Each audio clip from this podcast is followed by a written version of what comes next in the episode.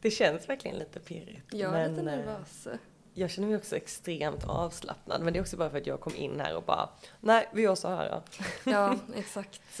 Och du, jag Dissa såg alla du- mina, Mm. mina planeringsförslag. Ja. Eller förslag och förslag. Men jag gillar ju också att planera. Det är bara det att jag vet, när du kom in och jag vet hur mycket du vill ha struktur så känner jag att jag bara vill så röra till i grytan lite. Ja, Även om jag också är, jag tycker också om, om struktur.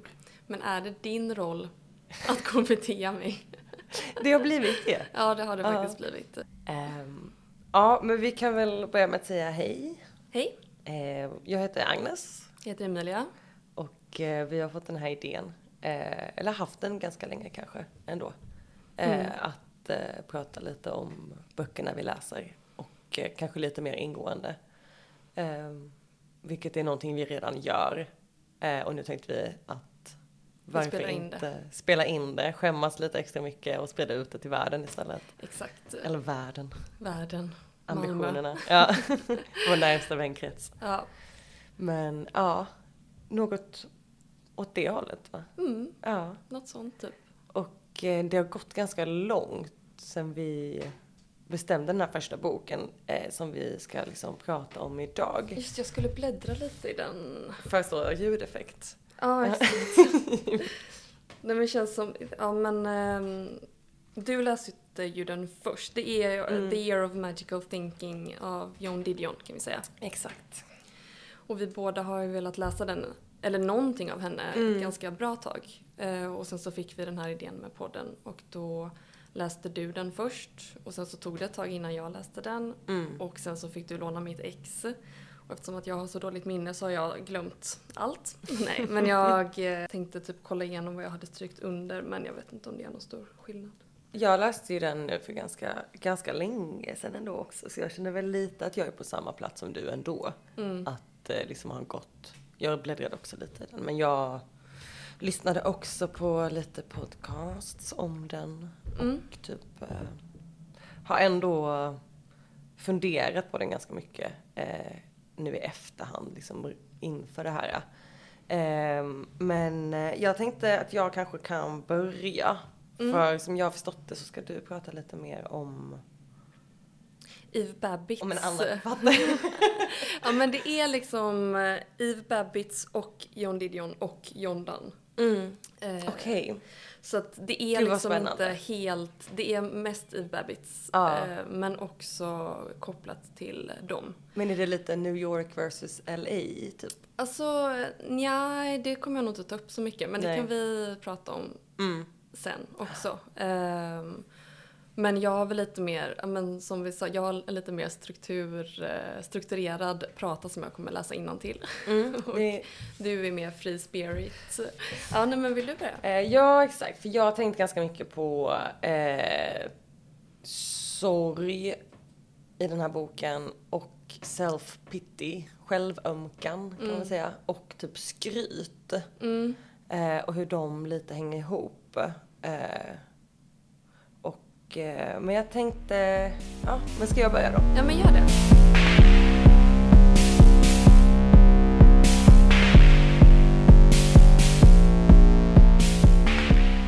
Eh, The Year of eh, Magical Thinking. eh, det är en bok som man skulle kunna säga handlar om förlust.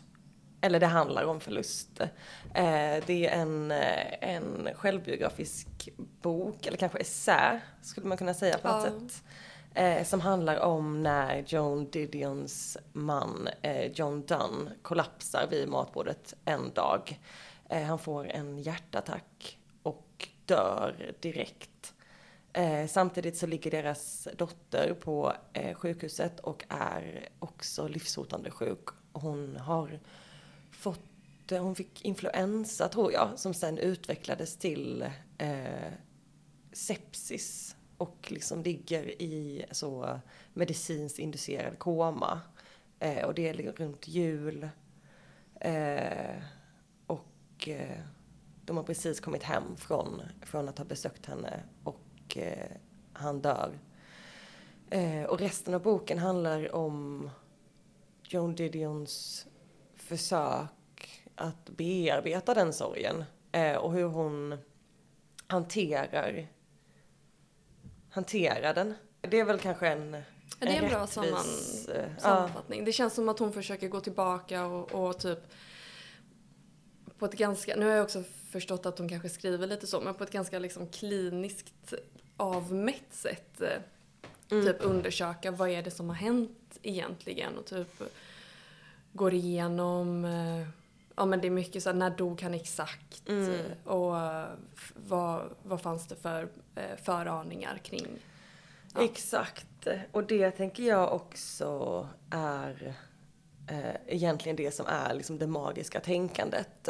Eh, alltså det magiska tänkandet i boken. För först var jag också såhär, jag bara, vad är det ens hon menar med det? Sen har jag tänkt på det, bara, okej men det är ju det här med nästan tänk om. Eh, eller idén av att, alltså, att tanken att han har gått bort är för stor för att greppa. Ehm, hon kan till exempel inte slänga hans skor. Eh, för hon tänker att om, eller nästan inte ens om, utan när han kommer tillbaka så kommer han ju inte ha några skor i så fall. Eh, också samma sak med det här eh, som också blir det kliniska med vad heter det? Obduktionen, autopsy. Eh, att hon behöver obduktionsrapporten för att hon måste se exakt när han har dött. Han måste förstå det exakt. Och det är väl dels Eh, alltså dels en skuld som kommer i efterhand av tanken på att hon borde kunnat ha gjort någonting snabbare när han faller ihop. Eh, och att det på något sätt skulle kunna vara hennes fel. Men det är väl också en känsla av att inte förrän hon får det kliniskt på pappret att han är död, han dog då, de här orden betyder det här. Så kan hon också själv på något sätt försöka dödförklara honom. Att innan dess är han fortfarande väldigt mycket levande.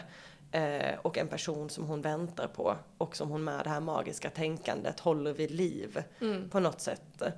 Ja, exakt. På något sätt liksom vet att, alltså förstår ju kognitivt att han är död, men tänker att han, alltså att den, ja men som, som precis som du säger, det är en för stor tanke att greppa. Så att på något sätt så måste han komma tillbaka. För Ja. att det går inte att han inte skulle göra det. Exakt. Och för kontext så har också då eh, Didion och Dunn varit gifta i ungefär 40 år när det här händer. De har jobbat, Eh, de har haft en väldigt, väldigt lång och som man också förstår eh, av boken, en väldigt kärleksfull men också liksom ett, en relation med mycket temperament och eh, eh också ett väldigt tajt eh, samarbete rent eh, eh, professionellt. Att de har skrivit väldigt mycket tillsammans.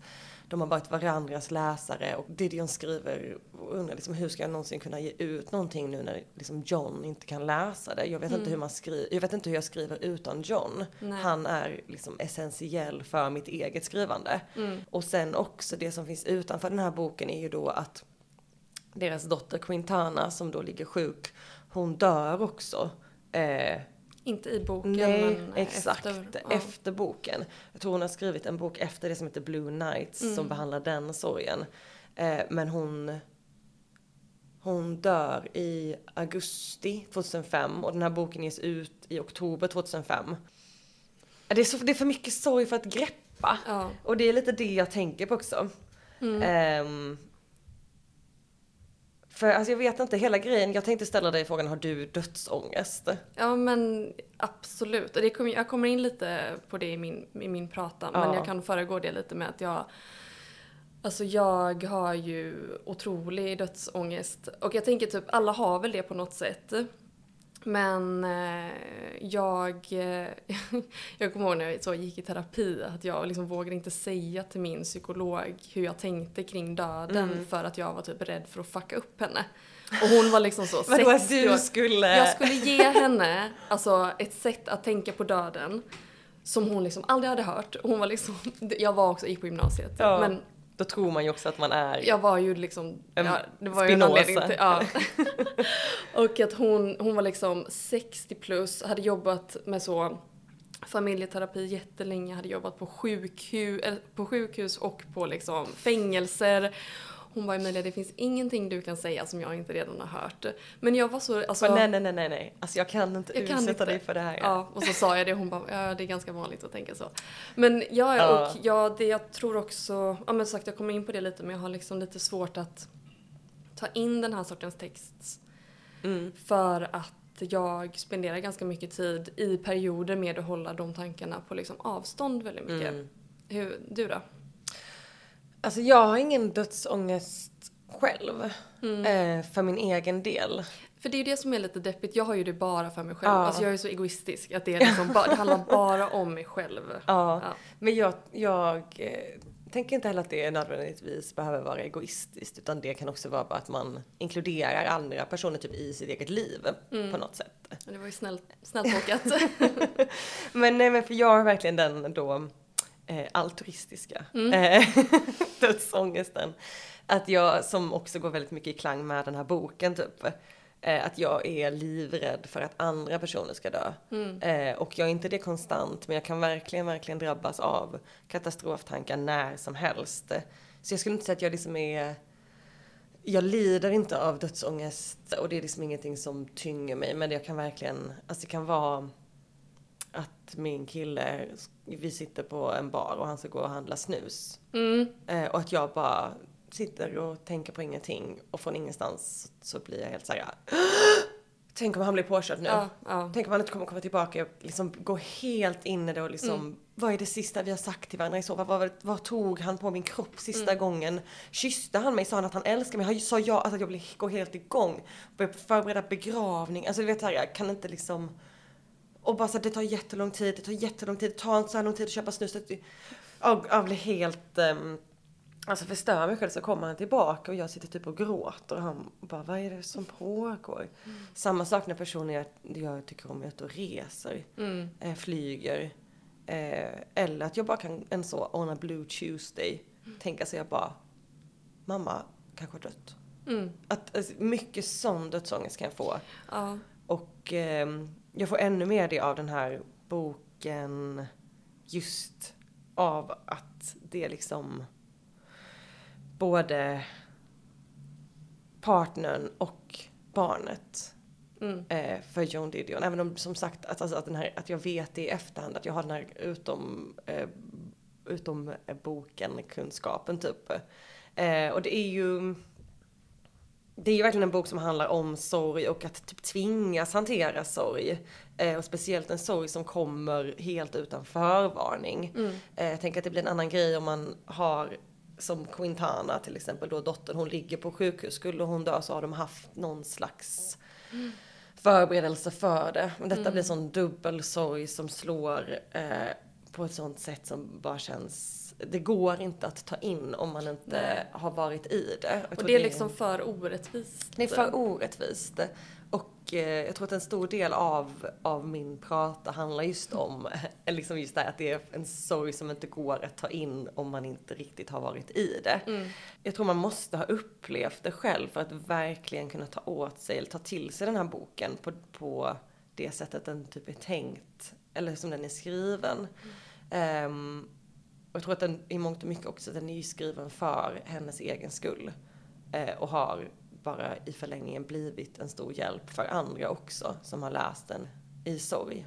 Eh, jag, tror det, jag tror det är lite samma som att bli typ förälder. Att du kan inte fatta det utan att ha blivit det. Du kan förstå det ungefär, du kan förstå vissa saker men det är liksom ett koncept som, inte, som måste vara självupplevt. Mm. Ehm, tänkte på att hon använde ordet bereaved i boken. Vad är det? Det betyder liksom berövad, att det är liksom Ah. ett kliniskt term nästan i, Mm. inom liksom grief eller sorg. Att, eh, att det blir så extra starkt, den här känslan av att blivit berövad en människa. Mm. Det är inte att ha förlorat, utan att det är liksom någon har det blir, så, det blir så fysiskt, typ nästan som att någon har slitit en Mm. människa ifrån en.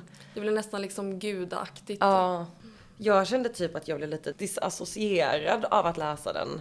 Ehm, att det liksom, jag kunde inte riktigt greppa det och att istället så fick jag ta in lite det som jag eh, kunde förstå eller typ nästan störa mig på. Mm. Eh, och någonting och så känner man sig som en hemsk människa typ. För det handlar inte om att jag inte har empati eller så. Det handlar verkligen om att bara, jag har inte förlorat någon själv på det sättet. Mm.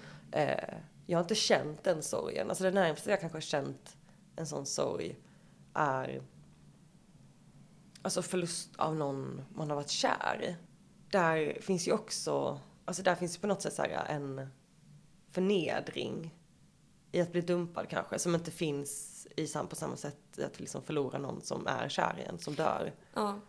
Ehm, men jag, eller jag tog istället mycket så att jag blev liksom irriterad på Didion när hon är på sjukhuset. Att hon har läst på jättemycket om alla sjukdomar Ja. Quintana har.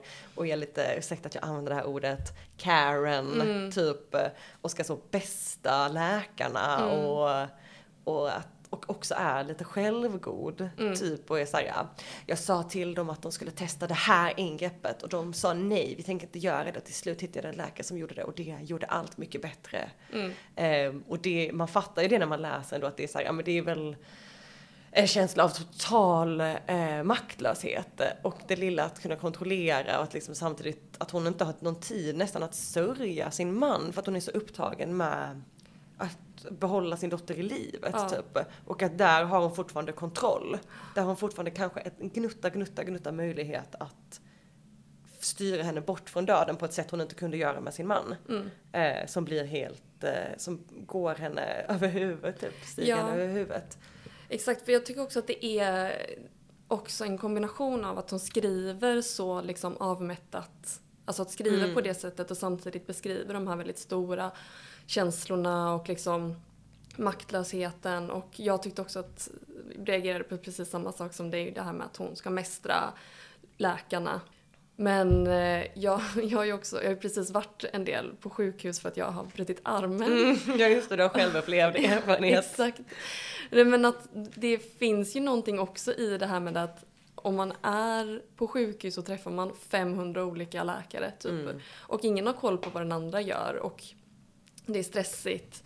Och då kanske det behövs någon tyvärr som håller ihop allt och då blir det typ en eh, oroad mamma Mm. som har liksom en överblick och kan liksom påverka de andra läkarna och bara nej men redan ju tagit det där testet, gör det här istället. Mm. Hur irriterande det än är så är det ju också att en, en, en läkarstab ska hålla koll på allting. Det är ju önskvärt men det Exakt. kanske inte är möjligt heller. Nej exakt, det är väl Tyvärr. inte riktigt som det man tänker att det är när man sätter Grey's Grey's Anatomy. Anatomy, Mm. att det är liksom Dr. Bailey som kommer in. Att nej, Exakt. Det har förstört oss den eh, Ja. serien. Mm. Exakt. Eh, hon skriver, det är de första meningarna i hela boken. Eh, life changes fast, life changes in the instant. You sit down to dinner and life as you know it ends.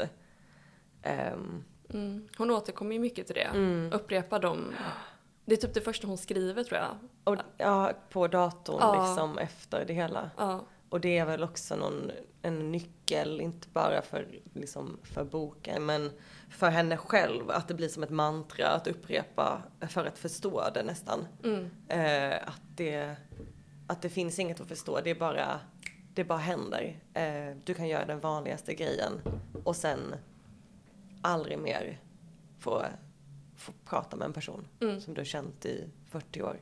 Det är det som är oron, precis som du sa, med när, man, när någon är sen och så föreställer man sig att den har blivit påkörd. Mm. Man aldrig kommer, alltså det är just det där att man vet aldrig när livet förändras. Och den kan ju alla känna igen. Det kan man ju Ja. känna igen sig i. Att man, man har liksom ingen aning. Och att man har varit ganska lyckligt lottad hittills. Att man inte har varit med om så jävla mycket hemskheter. Liksom. Mm. Exakt. Eh, och som en person som inte har varit med om så mycket hemskheter så blir ju just, eh, alltså jag tycker det är en väldigt fin beskrivning av, alltså dels hennes relation med John Donne eh, och jag blir lite avundsjuk på den också, typ hur, de, hur hon beskriver hur de har det tillsammans. Jag tror det är någon sekvens eh, där hon, om jag minns rätt, hon, har fly, hon är ut i en annan delstat och ska ha någon föreläsning typ.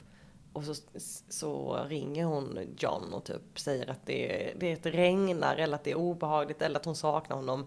Och att han bara direkt flyger dit för Ja. att äta middag med henne. Ja, Att också andra det- tiden när man bara flög hit. Ja, Alltså, verkligen. två timmar bort. Men att det är, det är så romantiskt och Mm. så, så vackert på något sätt tycker jag. Bara den beskrivningen av att så, bara vara helt alltså, hängiven varandra. Mm. Eh, och att på något sätt vara ganska alltså, sömlösa i, i var jag börjar och var du börjar eller slutar. Känns det som. Mm. Att de, man har en väldigt fin relation utifrån det hon själv beskriver. Jag inte, du kanske får... Ja, men jag tror att jag har lite annan bild av Mm. deras relation. Jag kommer in på det lite Mm. sen, men jag eh, kanske läste in det på ett annat sätt också, för jag tog ganska mycket jag liksom fastnade ganska mycket vid de bitarna där, där han säger jag har aldrig gjort något bra i mitt liv. Alltså allt var en waste, typ. Mm. Ehm, vi borde ha gjort på ett annat sätt. Alltså de grejerna. Eh, som också han sa ganska... Jag kommer inte riktigt ihåg, men hon tar upp liksom typ några gånger när han har sagt sånt. Och, och det har varit liksom på 80-talet och sen så har det varit liksom några, typ ett halvår innan Mm. han dog. Ehm, och att jag... Ja, jag tror jag ser deras liksom förhållande på, något, på ett annat sätt. Alltså Mm. mycket som ett partnerskap och mycket att de liksom läste ju alla deras, liksom varandras texter och så. Ehm, men... Ja, inte så kärleksfullt liksom. Nej. Men då får du berätta det mer sen. Ja, det ska jag göra. Vänta, jag ska bara hit, försöka hitta en sak. Ja. För att det var att eh, Eve Babbitts, i någon eh, text som hon skrev så, så, så hade både alltså, Didion och Dan eh, korrläst. Det var den här, tror jag. Aha. Slow Days Fast Company. Mm. Eller nej, det var Eves Hollywood. ja, här. Okej. Okej, ett litet citat från en Vanity Fair-artikel om eh, John Didion och Eve Babbitts då. Jag kanske hoppar, det kanske blir lite... Ja, jag hoppar in här. John would give more than advice. It was she and Dunn, not anyone at Delacourt, något annat, ah, who edited Eve's Hollywood. In a 1973 letter, Eve wrote, Joan Didion and her husband are editing the book. They are terrifyingly exacting. They nearly scared me to death a week ago, telling me I was sloppy, and they were right. They are like my best self, and who can live with that? Ja, de känns verkligen som mamma, mami papi typ. Exakt. Eh, som slår lite på fingrarna. Eh, Verkligen. Väldigt korrekta. korrekta. Mm. Ja.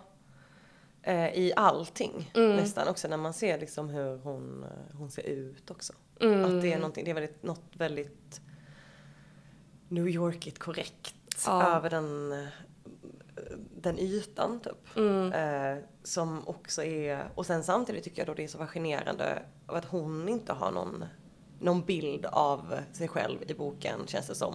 Nej. Som, som speciellt bra. Mm. Ehm, alltså hon, hon verkar nog känna sig ganska underlägsen Dunn också. Ja, och det har jag också läst någonstans att eh, Eve Babbitt blev helt tokig på att liksom John Didion gjorde sig mindre än vad Mm. hon var och typ det var något citat när jag tänkte på, på oss när hon bara att John Didion hade sagt om sig själv att hon är så petit så att liksom det är knappt som att man och det är min bästa trait as a reporter because I'm so tiny that no one even notice me. Alltså så här, att hon så gör, smyger in i ett rum och ja ingen men ser typ så. Hon ställer sig på sidan och ingen ser, hon Ja. är så platt. Ser ut som en tapet. Ja, nej men och att typ det känns som att Eve Babbitts var så himla mycket så äh, stor. Ja exakt och att John Didion mycket mer typ ja men skulle göra sig liten typ Mm. och kanske kände sig liten. Alltså det, så kan det ju vara men men mycket typ Alltså vi, båda vi två, vi har ju bara läst den här av Mm. John Didion. Och jag har inte liksom gjort jättemycket research men det jag har förstått liksom från an, alltså tidigare av hennes texter så är hon mycket mer liksom skriver om sig själv och ja men gör sig mindre liksom och Mm. typ i alla fall vad Eve tyckte, alltså att hon typ sällar sig till killarna och var lite mer så I'm one of the guys typ. Mm. Ja. Det märks Mm. lite också. Då kan man också förstå på något sätt ännu mer hennes, vad ska man säga, alltså en förvirring i vem är man nu Mm. i det här liksom dödsfallet. Mm. Och i att bli, alltså det är ju nästan att bli eh, föräldralös, liksom att bli helt Mm. ensam i världen på något sätt. Att ha sina liksom närmsta kroppsdelar amputerade. Mm. Eh, och länka till liksom också länkar till, alltså även om Quintana var adopterad så är det ju ändå eh, ens arv Ja, ja. Mm. och, eh, Och deras enda barn också. Och deras enda barn, ja. Ja, och det är ju inte heller... Det är inte så konstigt att hon skriver den här boken och sen den andra Blue Nights. Just för att det känns som att eh, det är det, om man har förlorat sin familj så är det liksom skrivandet man har kvar. Och man liksom hållit på med det hela sitt liv. Joan Didion hon skriver mycket just om, alltså, eller hon återkommer lite till det här med self-pity. Eh, och det är en väldigt knepig balansgång att gå. För self-pity, det är liksom en väldigt tunn linje i kontexten sorg. Att få ha self-pity och när det slår över till att, eh, att det blir negativt. Att omvärlden, att tycka synd om sig själv. Eh, liksom sorgen har i, i alla fall i liksom en västerländsk kontext väldigt mycket en tidsgräns. Hur länge du får tycka synd om dig själv. Hur länge du får prata om någonting som har hänt. Eh, hur länge du kan, får liksom vara ledsen helt enkelt. Eh, och eh, det finns en osynlig klocka på något sätt eh, som till slut går av i ett alarm. Då omvärlden tycker lite så här, "Ja, men get over it, släpp det typ. Du måste gå vidare. Eh, och varför måste man det? Jo, kanske för att man måste vara produktiv i samhället och man är inte produktiv i samhället om man går runt och sörjer hela tiden. Och sorg kan ju ta sig uttryck på jättemånga olika sätt såklart. Eh, men eh, Det känns ju också då som att i den kontexten att den här boken är ju också en förlängning av sorgeprocessen. Att man Exakt. får lov liksom att eh, duell Mm. just för att man då är produktiv. Att, man, att det kommer någonting utav sorgen.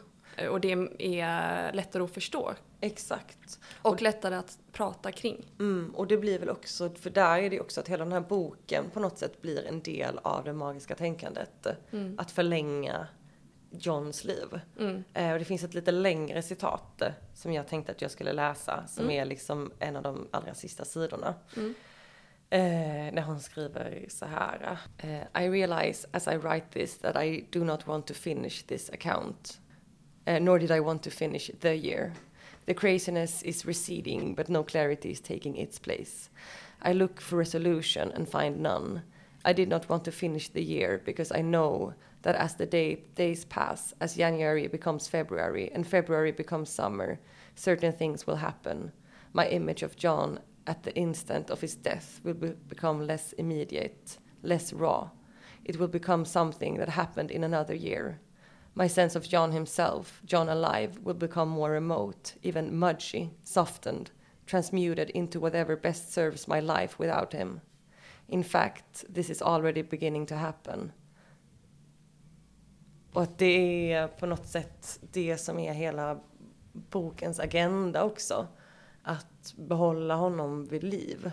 Ehm, ett försök att, att hålla honom skarp i kanterna. Det är också på något sätt att tillåta sig själv att inte förlora rätten att sörja. Det är att göra sorgen, ge sorgen agens typ. Så Ge sin egen sorg agens och rättmätiga det för sig själv. Eh, och jag tänker också att hon måste fått ett otroligt starkt rättmätigande av sorgen i att kunna ge den till andra. Eh, samtidigt så är den nära också. Alltså mycket som finns nu som har debatterats i Sverige. Alltså jag tänker typ de här cancerböckerna och så. Att det finns någonting liknande i det också. Att det är det kanske är något väldigt svenskt också. Alltså hur mycket får du lov att, att älta någonting? Ja. Och att den här också får lov att finnas så mycket för att den är skriven direkt efter det händer. Och också av en redan väldigt uppburen författare. Mm. Och det är ju det som många säger, alltså när man pratar om de här cancerböckerna eller sjukböckerna, Mm. att ja, skriv om vad du vill men det ska skrivas bra. Mm. Men vem är det som avgör om det är bra eller inte? Exakt. Så där är det ju enklare för henne eftersom att hon är Redan redan en superstar. Liksom. Ja. Jag har inte så mycket mer att säga egentligen. Nej, Nej. men vi kan prata mer efter min... Eh, för jag tror, jag kommer in lite på de här grejerna också. Så vi kan prata, vi kan, vi kan köra min grej. Mm.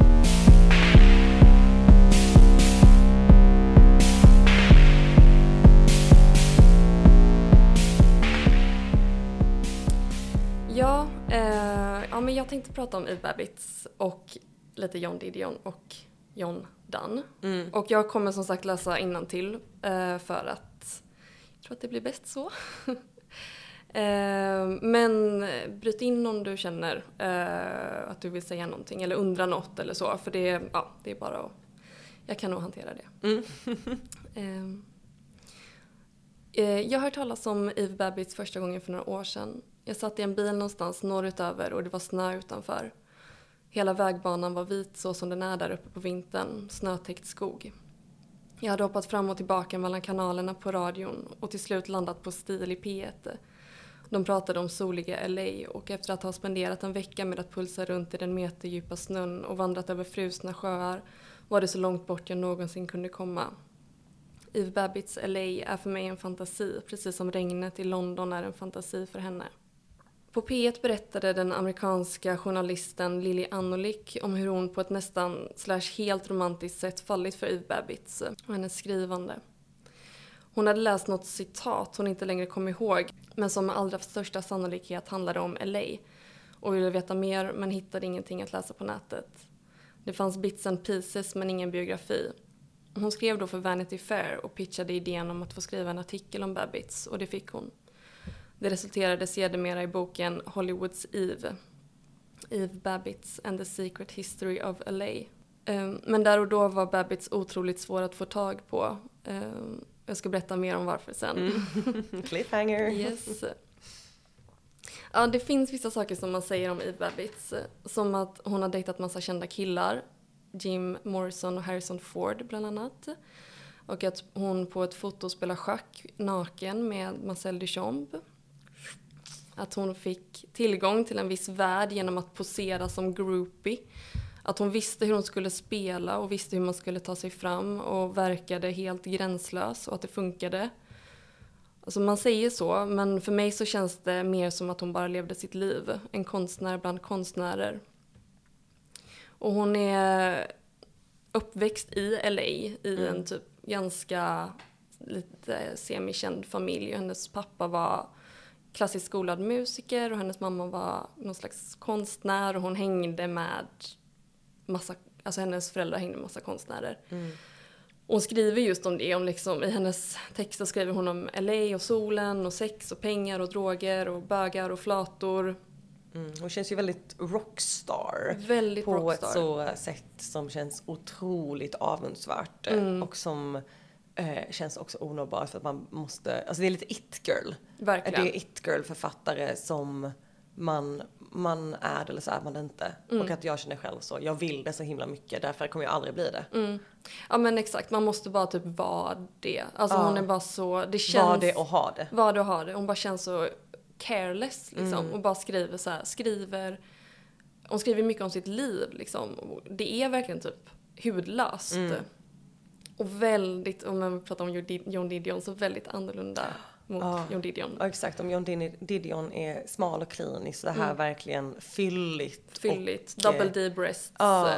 Alltså, också typ att när hon skrev då att hon fick ganska mycket skit för att hon var så gränslös typ.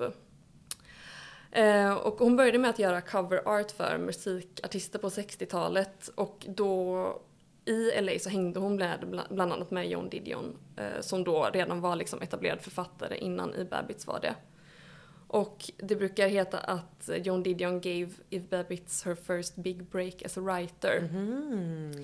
Eh, för att hon, Eve Babbitts hade skrivit någon text om LA då, som eh, John Didion pitchade för Rolling Stone, där hon skrev.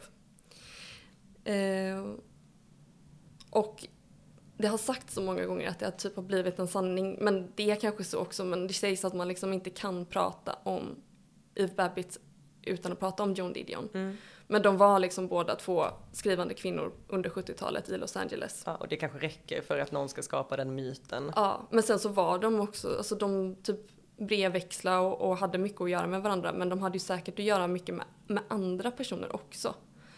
Men ja, som, som man säger. Ehm, jo, tillbaka till cliffhangern. Mm. Eve Babbis var med om en olycka 1997. Eh, och hon var på väg, hon körde bil till en danslektion och hade på sig liksom bara så Dans polyesterkläder och skulle, kö- eh, skulle röka en körsbärscigarr. Alltså det är så äckligt hur liksom... Hur cool hon är. ja. Fan det var någonting, jag läste någonstans varför hon rökte en körsbärscigarr och det var typ för att hon ville likna någon annan. Alltså att hon Ja. bara, ja, det, ja, någon annan var cool. Men sen har jag också läst att hon inte rökte, typ i den här Slow Days Fast Company röker hon inte alls. Och att hon alltid haft det så att hon såg ung ut för att hon inte rökte. Mm. Eh, I alla fall, hon eh, tappade tändstickan på sina polyesterkläder och det flammade upp. Eh, och hon fick väldigt svåra brännskador. Förutom på fötterna där hon hade sina Ugg boots. Yes. Så de klarade sig. Hon hade såklart ingen sjukvårdsförsäkring. Så hon liksom fick en enorm sjukhussum, eller nota. Räkning. Ja. Men hennes gamla älskare och vänner samlade ihop till hennes, eh, hennes nota då. Så att, eh, och det var också genom de gamla älskarna som den här journalisten jag pratade om innan, eh, Lili Andolik som var typ besatt av Eve Babbitts, eh, till slut fick kontakt med henne. För att hon hade liksom försökt att få, få kontakt med Eve Babbitts som bara ignorerade henne. Hon hade åkt till hennes hus i LA och liksom försökt att eh, slida in små handskrivna lappar under Mm. hennes dörr.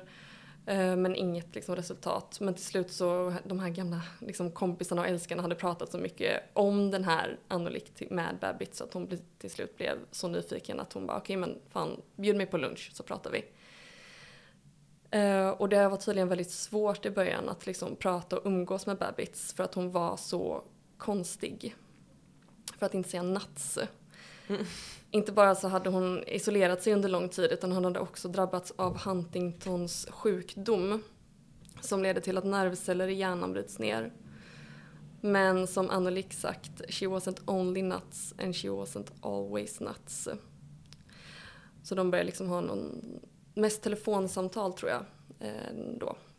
Efter den lunchen. Och Babbitts är som jag förstår det större eller mer populär nu. Eh, från och med typ 2010 för jag tror att hon återaktualiserades då med liksom nya utgåvor av Mm. hennes böcker. Än hon var när hon skrev texterna. Och hon har själv sagt att när det begav sig så var det bara killar som läste henne och nu är det bara tjejer. Hon tar det personliga och oförställt använder det på ett gränslöst sätt i sina, i sina texter. Precis som vi pratade om nu, att hon liksom, ja men det är någonting som man beundrar i det. Mm. Och det är egentligen ganska deppigt att det ska vara liksom revolutionärt att bara skriva om sitt gränslösa liv typ. Ja, men det är väl också för att det är en, eh, det är en ganska evig, eh, eller inte evig, men i alla fall nu, en dröm om någonting som inte riktigt går att uppleva längre heller. Eh, och att det har blivit en sån typisk, jag tror att det är typiskt med alla som lever den sortens liv, att det är, man är väldigt fascinerad av att läsa om det och föreställa sig det och vill ha det själv. Men hade man varit där så hade det nog inte varit så himla roligt Nej. eh, alls, utan mycket, mycket mer destruktivt och eh, tragiskt. Exakt. Eh, och någonting som man kanske egentligen hade velat ta sig ut. Alltså jag tänker nu, jag håller precis på att läsa Sex and Rage av Eve Babbitt som du har lånat mig. Mm. Eh, och att jag är helt fast, jag tycker det är så bra. Och det står ganska mycket nu om huvudpersonen Jacarandas ehm, alkoholism. Mm. Eh, och att hon är, har grav alkoholism. Mm. Eh, men det är som att man filtrerar bort det liksom och tar bort det och innebörden av vad det egentligen betyder och vad det innefattar liksom för hela hennes liv, den här karaktären. Eh, och bara ser det nästan som en cool girl trait typ. Ja. Och att man har nog den, den grejen, eller jag har alltid det i när jag läser den här typen av böcker. Att man ser bort från det som ska vara tragiskt och ser det bara som som något positivt, som någon, Mm. någonting som adderar coolhet, vilket är jättetöntigt av en. Eller Ja. jättemärkligt av en. Men det är ju också, det, det är ju därför man glorifierar sådana människor. Ja. Och sen så vet man att så här, okej, det kanske inte är så kul att vara med sådana människor. Alltså, det är svårt att ha en relation med sådana människor eh, för att det liksom kräver en viss sorts egoism att leva ett sånt liv. Ja, och att sådana människor kanske ofta har relationer med liknande människor Ja. som, eh, som inte kräver lika mycket eh, upp, upprätthållande av en relation som på samma sätt som kanske du och jag upprätthåller vår vänskapsrelation. Exakt. För att om vi, alltså, om vi bara hade gått runt och varit liksom full och höga hela tiden, vilket ju är, det är skitkul att vara full. Alltså, Mm. Men vi vet ju också att man vill ha någonting Något annat. Ja. Liksom. Ehm, men med det sagt, jag har inte heller liksom riktigt, alltså jag fattar att hon, alltså att Babbitts kanske har lidit och har ju varit på rehab och sådär. Men det känns inte heller som att hon beskriver det som något trauma utan mer bara som att hon hade typ kul. Mm. Liksom.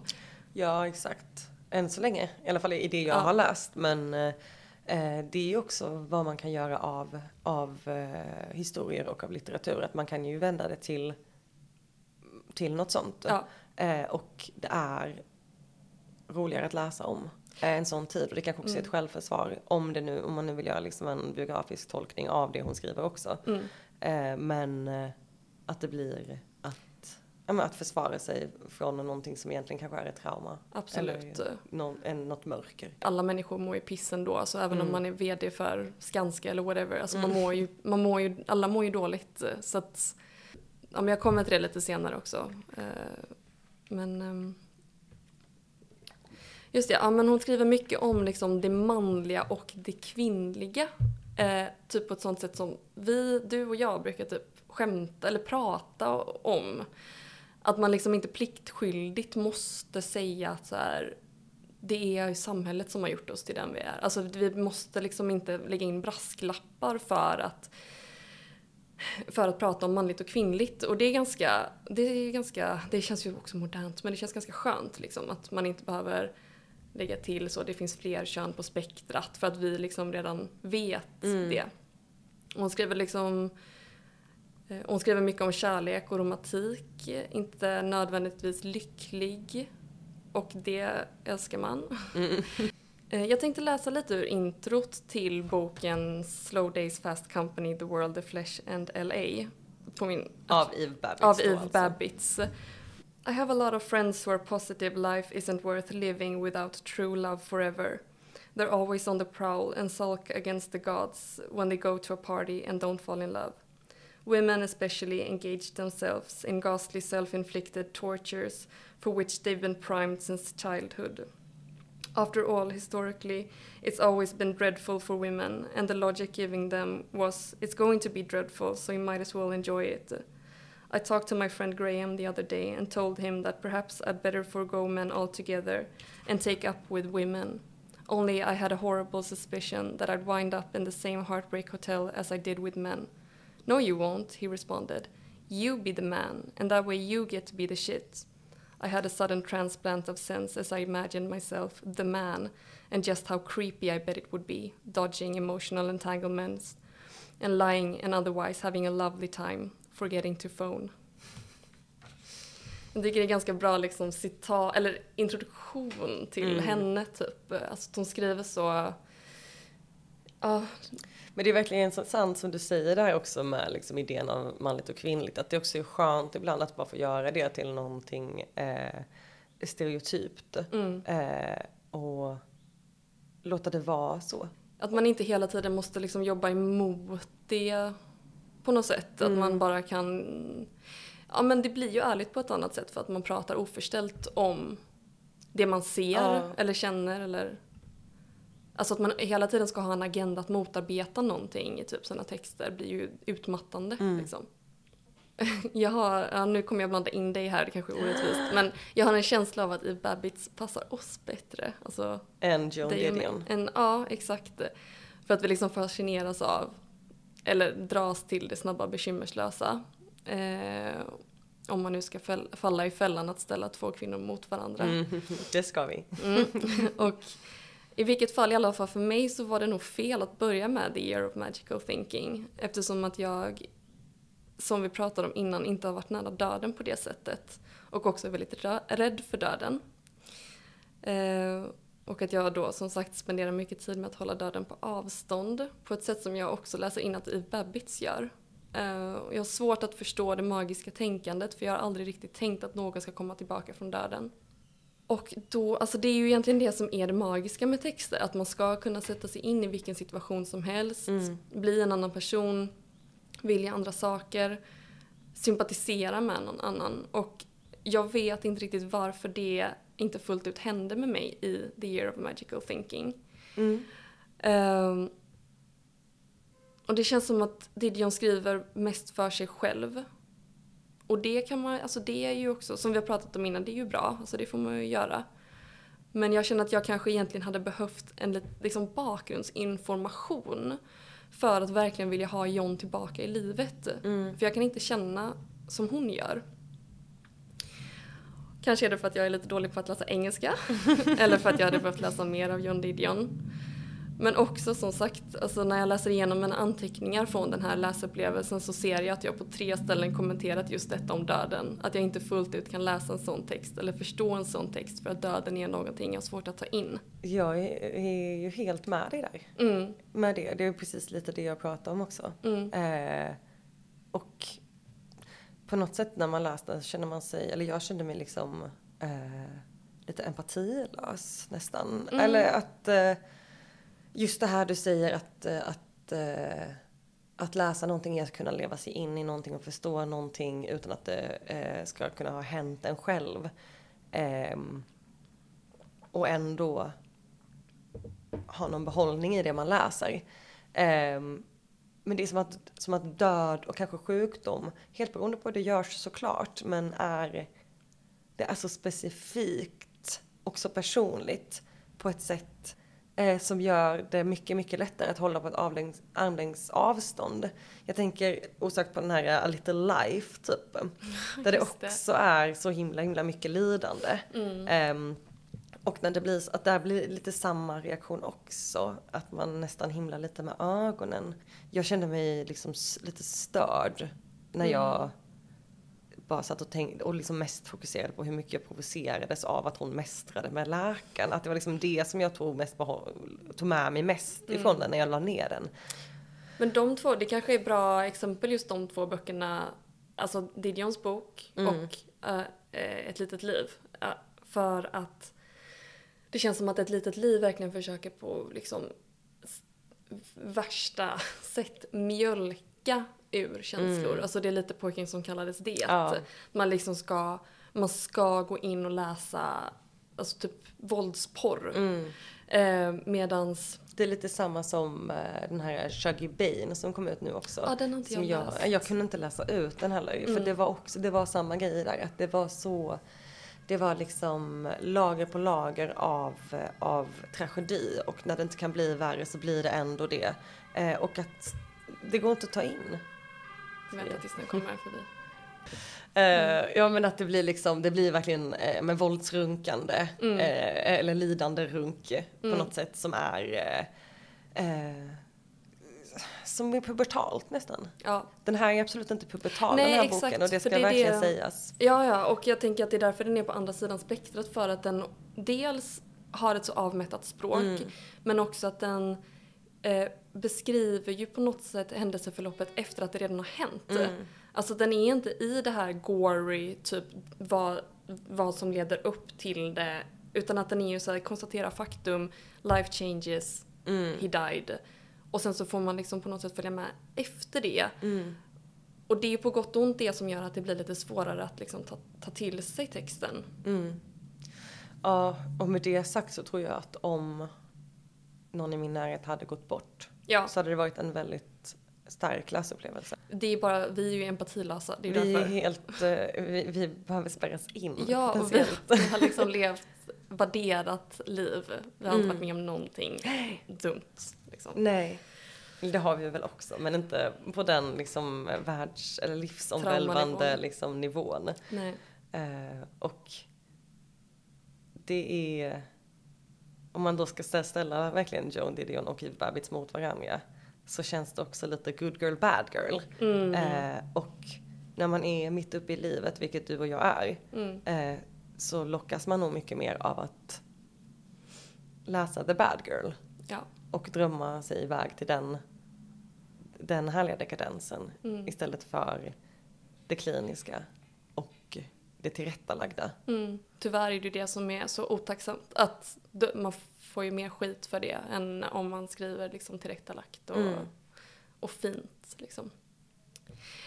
Eh, men jag läste någonstans att Babbitts gjort en anteckning om att John Dunn, eh, alltså Didions man då, eh, en gång frågat om det var Babbitts dåvarande kille som skrivit hennes texter. Aj, aj, aj. Mm, och det hade hon inte blivit så glad utav.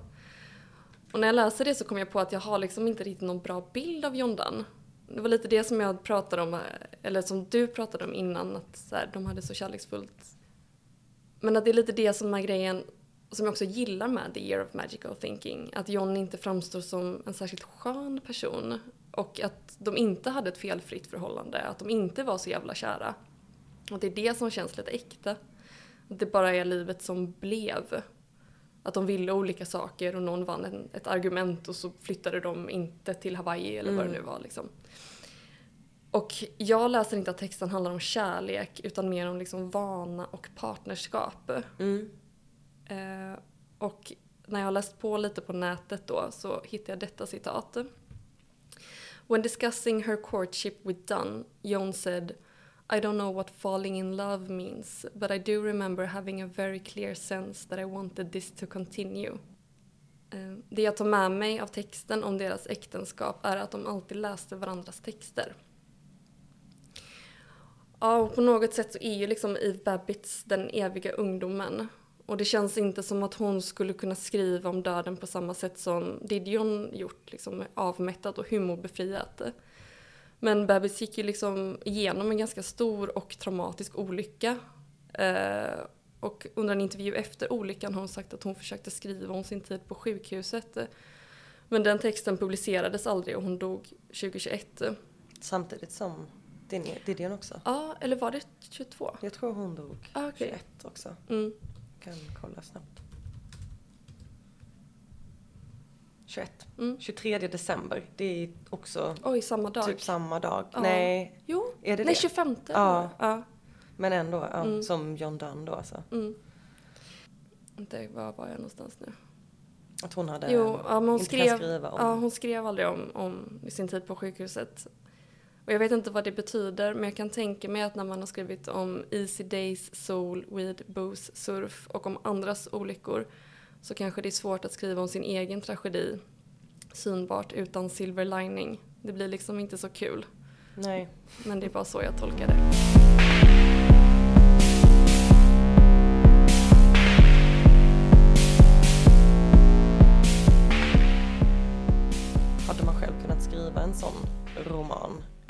Sån här som The Year of Magical Thinking? Mm. Eh, jag tror absolut inte jag hade kunnat det heller. Nej, Ehm, varför inte? för att jag inte har det språket. För att jag tycker om hyperbolen. Eh, och överdriften och det kletiga och kladdiga. Det blir inte så respektfullt. Nej, det blir liksom... eh, Kanske om du skulle skriva om dig själv. Exakt, potentiellt. Men det är också, jag tror det är väldigt lätt att det blir, blir inte osmakligt men bara alltså, kletigt på fel sätt. Ja. Typ. Jag märker det typ i saker jag själv skriver när det, när det går, det, jag tycker det är som bäst när det är raljant. Mm. Och när det går över till någon slags seriositet eller att det behöver finnas ett allvar i det. Eh, så tappar jag lätt min nerv.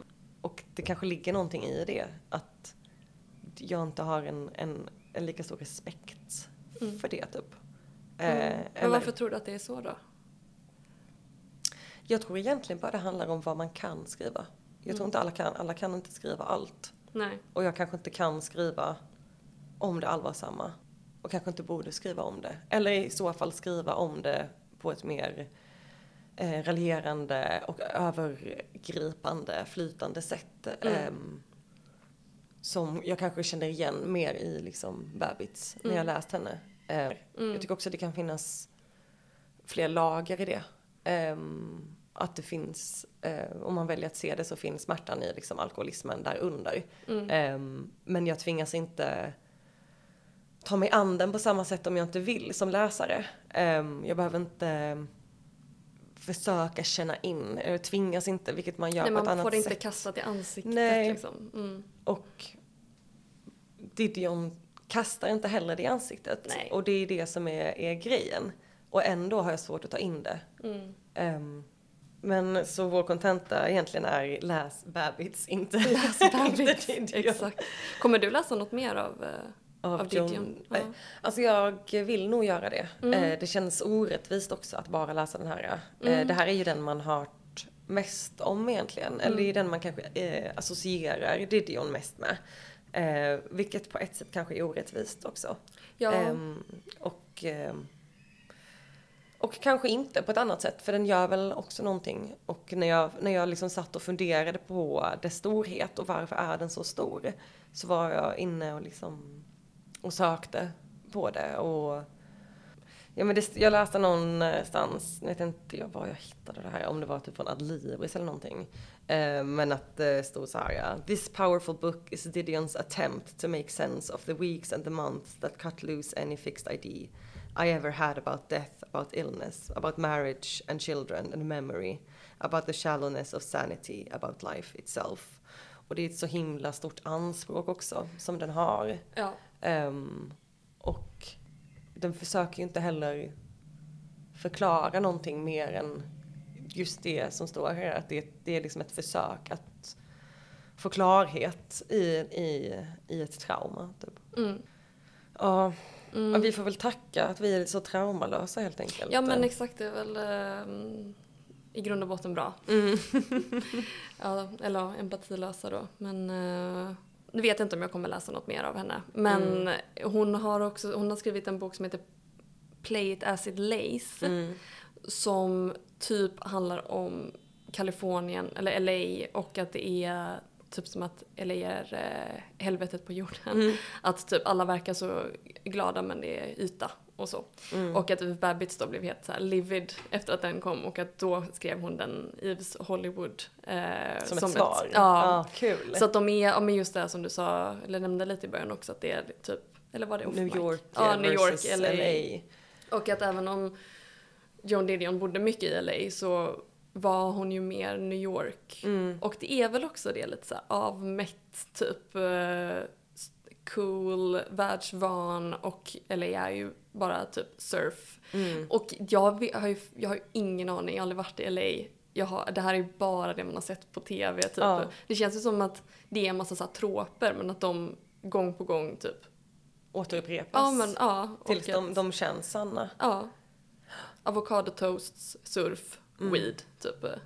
Ja, och att det är Hollywood, att det är liksom LA, att det är det här falska ytan, kändisskapet och suktan. Film, film, Ehm, kändis... Ja. längtan efter eh, kändisskap Mm. också. Som ligger där som, en, som en dom över alltihop också. Mm. Eh, inom vilken alla kokar. Fan, jag hade egentligen tänkt att vi skulle prata, eller att jag ville prata lite om typ kropp, alltså Eve Babbitts och Joan Didion kropp. Mm. Men jag vet inte, det kanske, jag har inte så mycket att säga om det egentligen. Alltså re- rent liksom kötslig kropp. Ja, Ehm. men typ att, eh, alltså det känns som att Eve Babbitts var så himla mycket så typ, jag har stora bröst typ. Mm. Eh, men nej, nej, jag skiter i det. Eh, ja, men eh, känner vi oss klara? Ja, men det, jag känner mig nog färdig. Mm, Eh, jag det med. var jättemysigt. Det var det. Ja. Det gick mycket bättre än vad jag trodde faktiskt. Är det sant? Ja. Vad bra. Vi får se när vi hörs Ja. och när vi ses igen och gör det här och Mm. vad vi läser då. Mm. Eh, och vad den här podden ens kommer heta. Ja, det vet vi inte. Nej. Det får vi se. eh, men tack så jättemycket Emilia. Tack Agnes. Hej då. Hej.